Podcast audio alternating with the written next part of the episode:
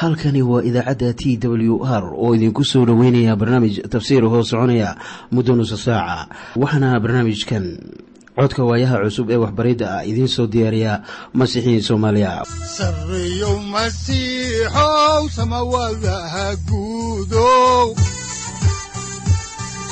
Siraadkii adduunkow subanaha eebow sareyow masiixow samawadaha guudow siraadkii adduunkow subanaha eebow adigoo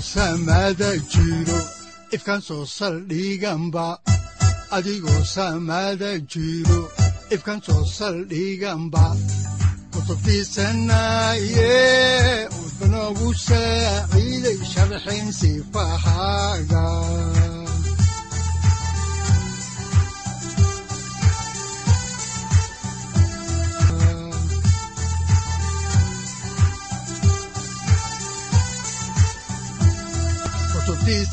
kutubtiisinayow ebanagu saaciid sharxin sifahaaga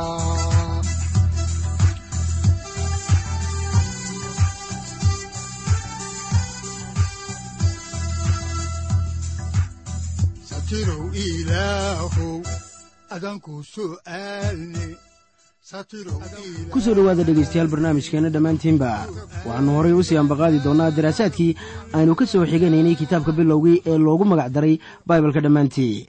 Waxaannu idiin sii wadi doonnaa cutubka afariyo tobnaad ee kitaabka bilowgii mawduucyada cutubkan afariyo tobnaad uu ka kooban yahayna waxa weeye.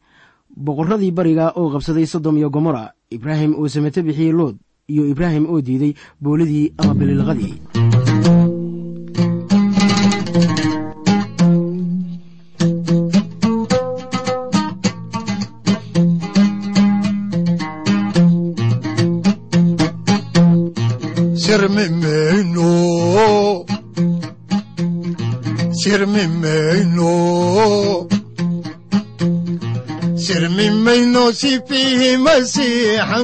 walba ku soconayo sirmimayno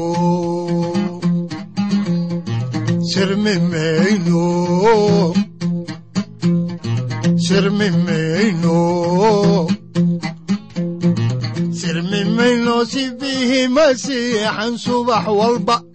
Ku soconayo sirmimayno samatabaxno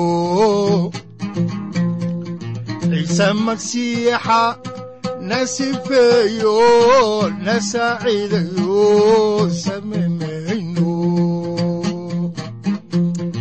samatabaxno ciise masiixa na sifeeyo na samaxayo samatabaxnay samatabaxno ciise masiixa na sifeeyo na samaxayo samatabaxnay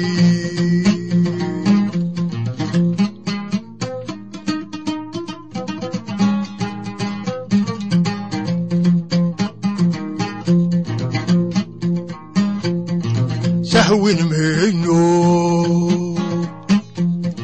sahwin mayno sahwin mayno salada alloon saacadda lahayn saxartiirno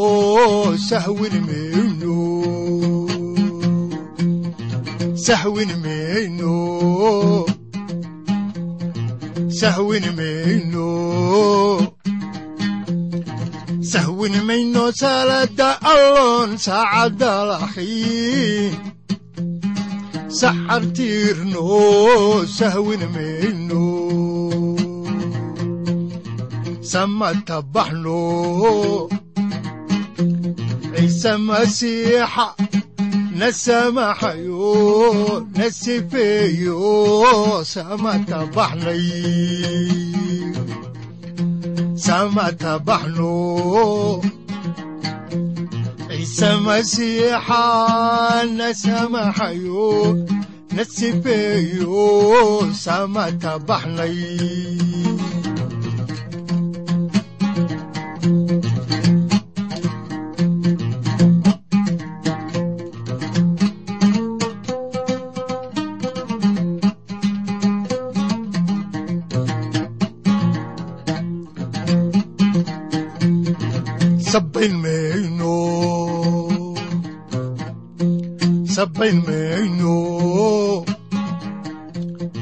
sabayn mayno masiixinimaan ku sugnaano kala soocannay sirib shaytaan sabayn mayno sabayn mayno sabayn mayno sabayn mayno masiixinimaan ku sugnaano. Kala soocannay sira shaytaan sabayn mayno. Samata baxno. Ciise masiixa na sifeeyo na samaxayo samata baxnay. Waxaynu ku guda jirray mawduuca ah abraham oo soo furtay wiilkii uu adeerka u ahaa ee luut. Luut waxa uu deganaa magaaladii sodom waxaana weerar ku soo bixiyey boqorradii beriga kadib markii ay fallaaganimo kala hor yimaadeen. Innagoo faallada kitaabka halkii ka sii wadna ayaannu haatan idiin akhrinaynaa cutubka afariyo tobnaad aayadda lixiyo tobanaad oo leh. Oo alaabtii oo dhan buu soo celiyey oo waxaa kale oo uu soo celiyey walaalkiis luut iyo alaabtiisii iyo naagihii iyo dadkiiba waxaad haatan arkaysaa in ay naagihii iyo dadkii kale u qaateen addoommo abrahm waxa uu sameeyey howl culus wuxuuna u sameeyey luut oo ahaa wiilkii uu adeerka u ahaa awgii taasuna waa sababta waxa kan loogu sheegayo halkan. Waxaa tanu ka markhaati kacaysaa in cutubkanu uusan ahayn mid jahwareer keenaya. Waa qayb ka mid ah noloshii abraham waana muhiim. Aynu halkii ka sii wadno oo eegno cutubka afariyo tobnaad aayaddiisa toddobiyo tobanaad waxaana qoran sida tan. Markuu ka soo noqday layntii kader lacomer iyo boqorradii la jiray kadib ayaa boqorkii sodom abraham kaga hortegey dooxo shawah oo ahayd dooxadii boqorka. Boqorkii sodom waxa uu u bixitimay in uu la kulmo abraham laakiin haatan qof kale ayaa doonaya inuu la kulmo abraham waana wax wanaagsan inuu sidaa sameeyey. Waayo boqorka sodom ayaa waxa uu doonayey inuu si xun u duufiyo abraham waxaynu bartamaha kaga jiraa inaynu isla eegno daraasaadka kitaabka bilowgii. Haatanna aynu eegno cutubka afariyo tobnaad aayadaha siddeed iyo toban ilaa sagaaliyo toban. Waxaana qoran sida tan.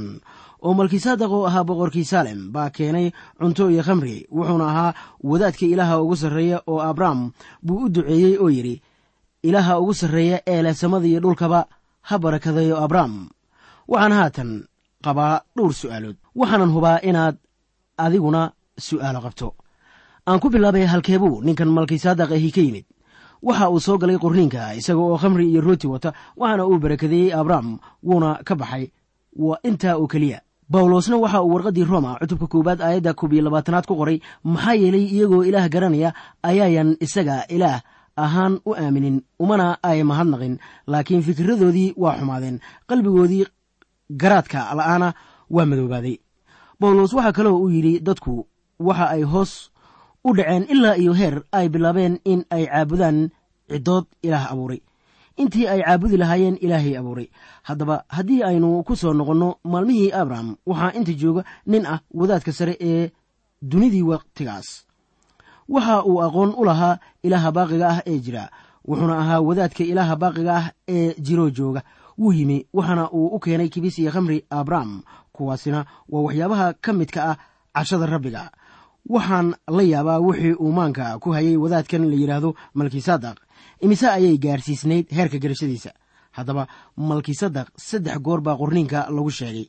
Marka lagu daro qidcadan bilowgii waxaa malkisadaq lagu sheegay oo kale zabuurka boqol iyo toban aayaddiisa afraad taasoo ah waxyi ku saabsan masiixa. Waxaana ay qidcadu leedahay qaybahan adigu waxaa tahay wadaad sidii derajadii malkisadaq ugu dambayntiina waxaa lagu sheegay dhowr jeer kitaabka cibraaniyada kadib markii aan akhriyey cibraaniyada waxaan garanayaa waxa aan ninkan waxba looga odhan ama looga sheegin qisadiisa kitaabkan bilowgii.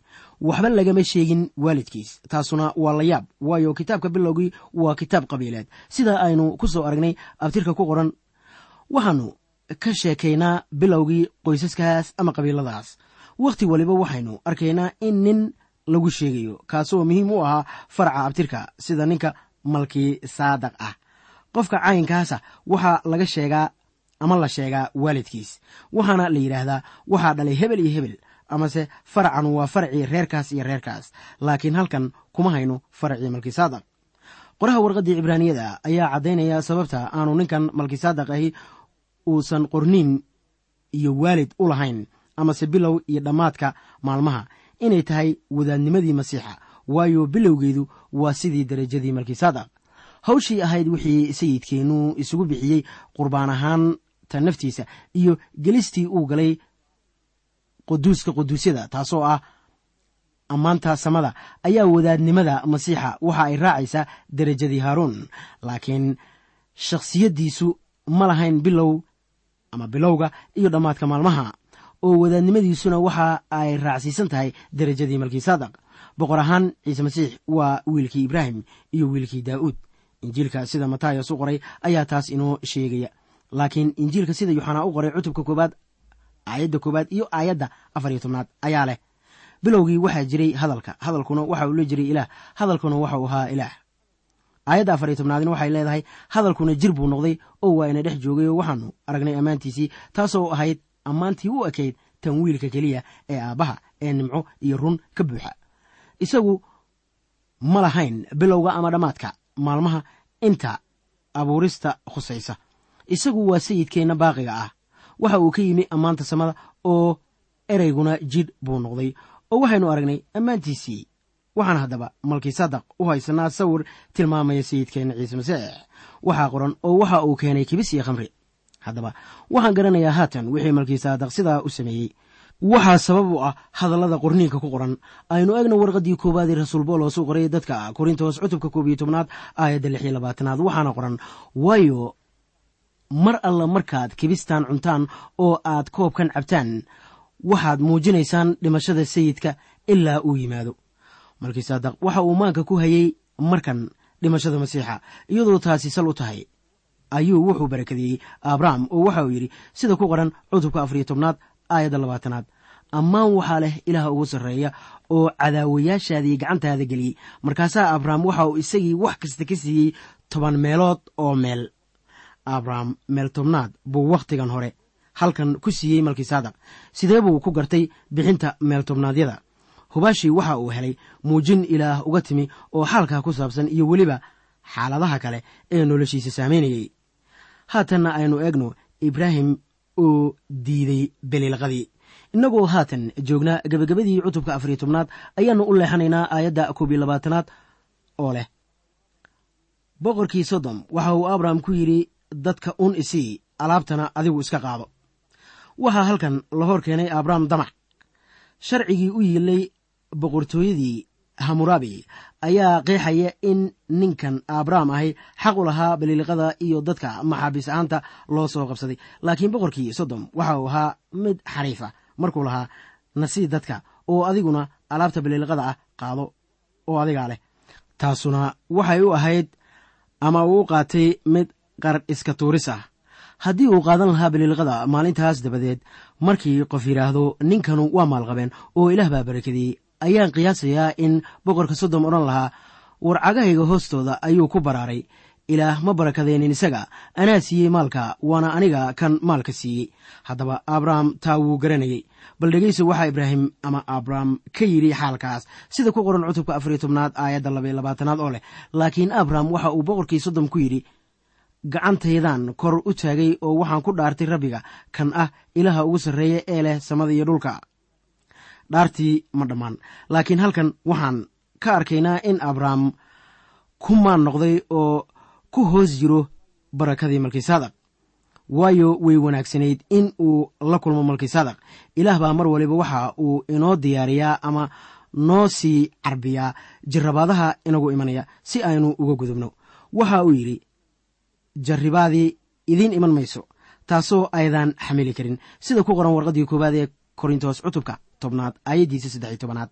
Ilaah baa awoodsiiyey abraham in uu jirrabaadan ka soo gudbo. Aynu dib ugu noqonno kitaabka bilowgii cutubka afar iyo tobnaad aayadda saddex iyo labaatanaad waxaynu ku guda jirray dhaartii ibraahim waxaana qoran inaanan qaadan miiq ama kabyeel mehed ama wax adigu aad leedahay waayo waaba intaasoo aad tidhaahdaa anaa abrahm hodan ka dhigaye markii abraham dagaalka aadayey waxa uu cahdi la dhigtay ilaah isaga oo sida abaarta ah odhanaya ilaahow anigu dagaalkan u geli maayo si aan bililqo u doonto. Oo waxa aan doonayana maahan maal. Waxaan doonayaa oo keliya inaan dib u soo celiyo oo soo helo wiilkii aan adeerka u ahaa ee luut.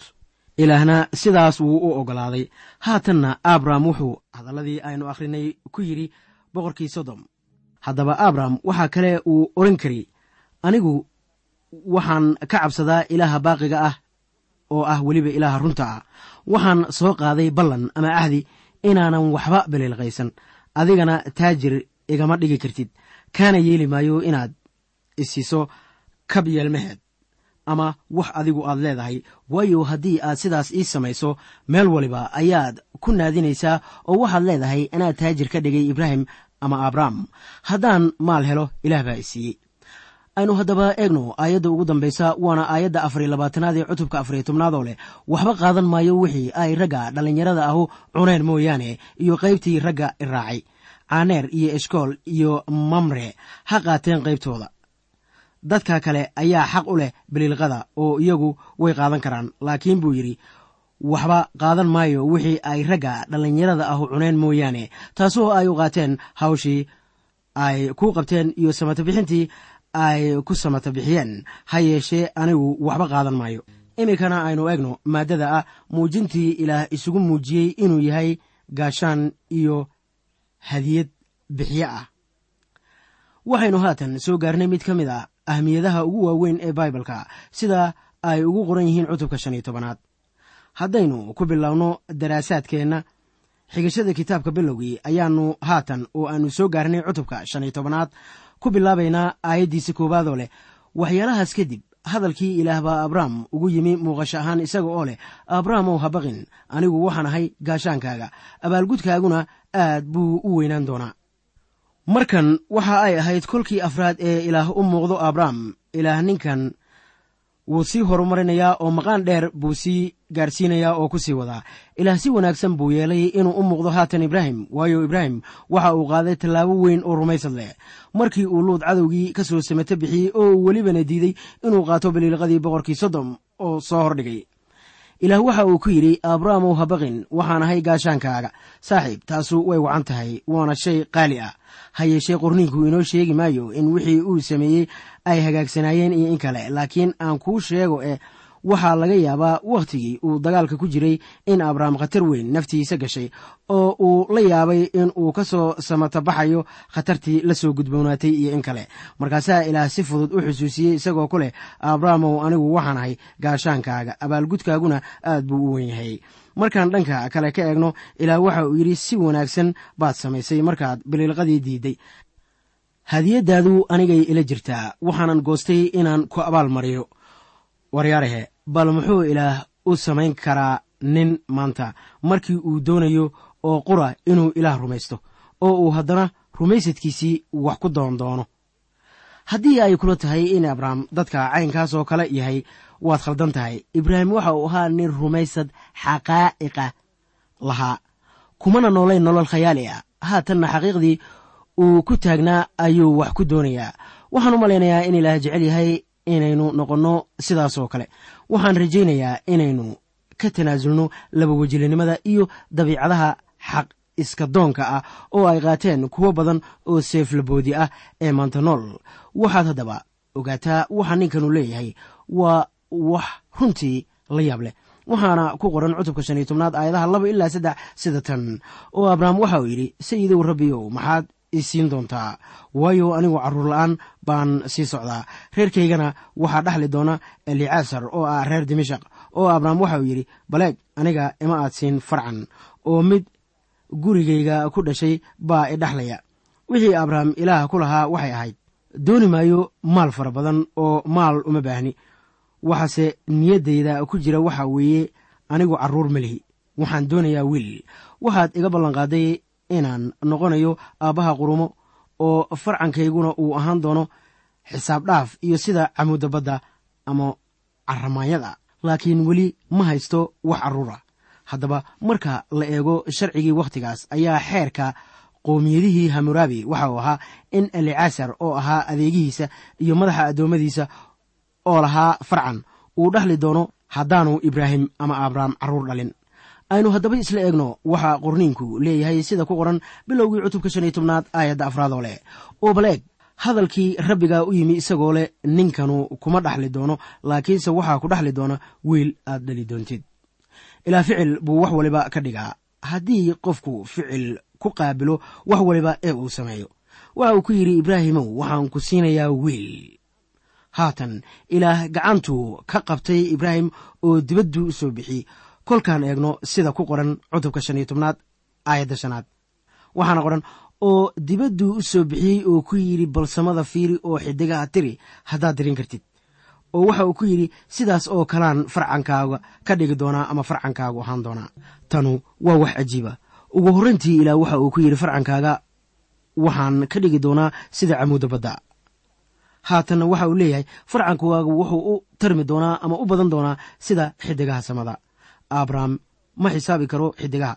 Waxa uu qiyaas ahaan arki karay ilaa iyo afar kun laakiin waxaa laga yaabaa ama ay u muuqataa inuu arki karay meeshii uu joogay ilaa iyo konton kun oo xidigood.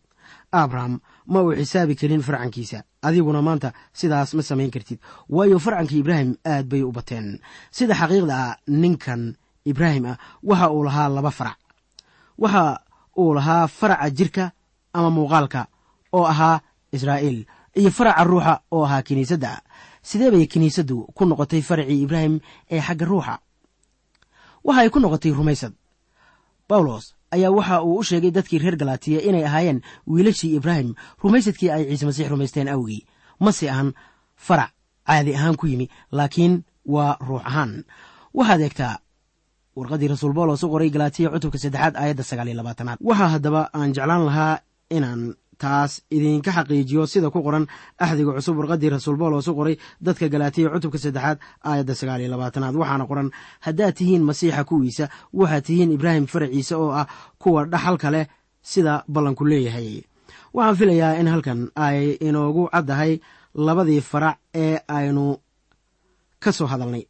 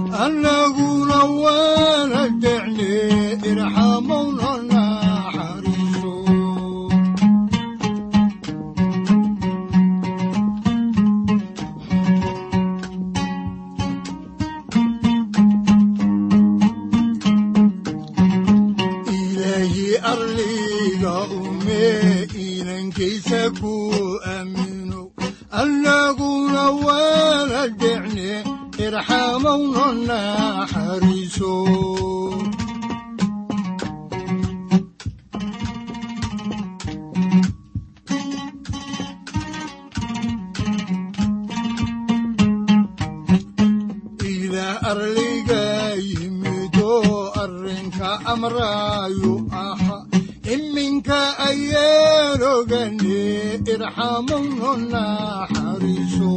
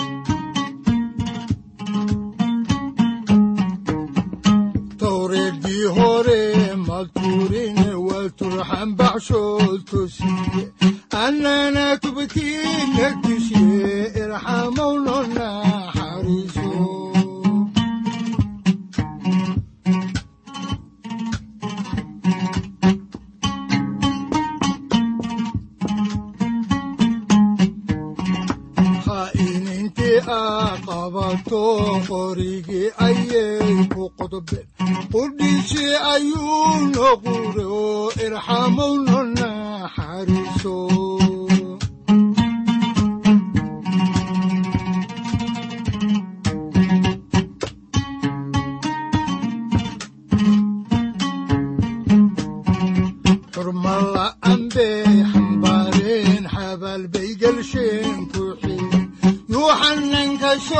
soo xigane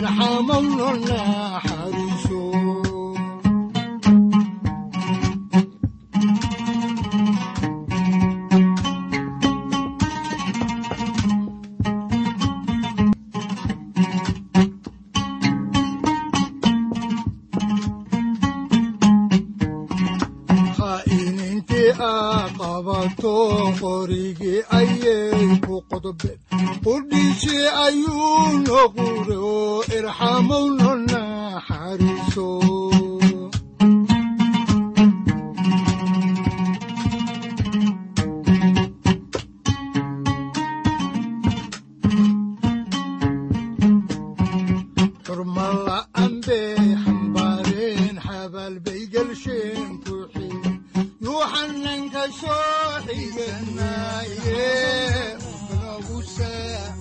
halkani waa t w r idaacadda t w r oo idinku leh ilaa ha idin barakeeyo oo ha idinku anfaco wixii aad caawi ka maqasheen barnaamijka. Waxaa barnaamijkan oo kalea maqli doontaan habeen dambe hadahan oo kale haddiise aad doonaysaan in aad fikirkiina ka dhiibataan wixii aad caawi maqasheen ayaad nagala soo xiriiri kartaan som t w r at t w r c o k e dhegaystayaal haddii aad doonaysaan inaad mar kale dhegaysataan barnaamijka fadlan mar kale booqo www t t b o r g ama www t w r o r g halka sare waxaad ku arkaysaa markii aad gasho language ama luuqadda waxaana dooranaysaa soomaali haddii aad doonaysaan in aad dejisataan oo kaydsataan barnaamijka ama aad mar kale dhegaysataan fadlan mar kale booqo www t t b t w r o r g ama www t w r o r g haddii aad doonayso in laga kaalmeeyo dhinacyada fahamka kitaabka amase aad u baahan tahay duco fadlan fariimahaaga soo mari bogga aaraahda ama kommentska inana jawaab degdeg ah ayaanu ku soo diri doonaa amase ku siin doonaaye. Sarreyow masiixow salula wihiyow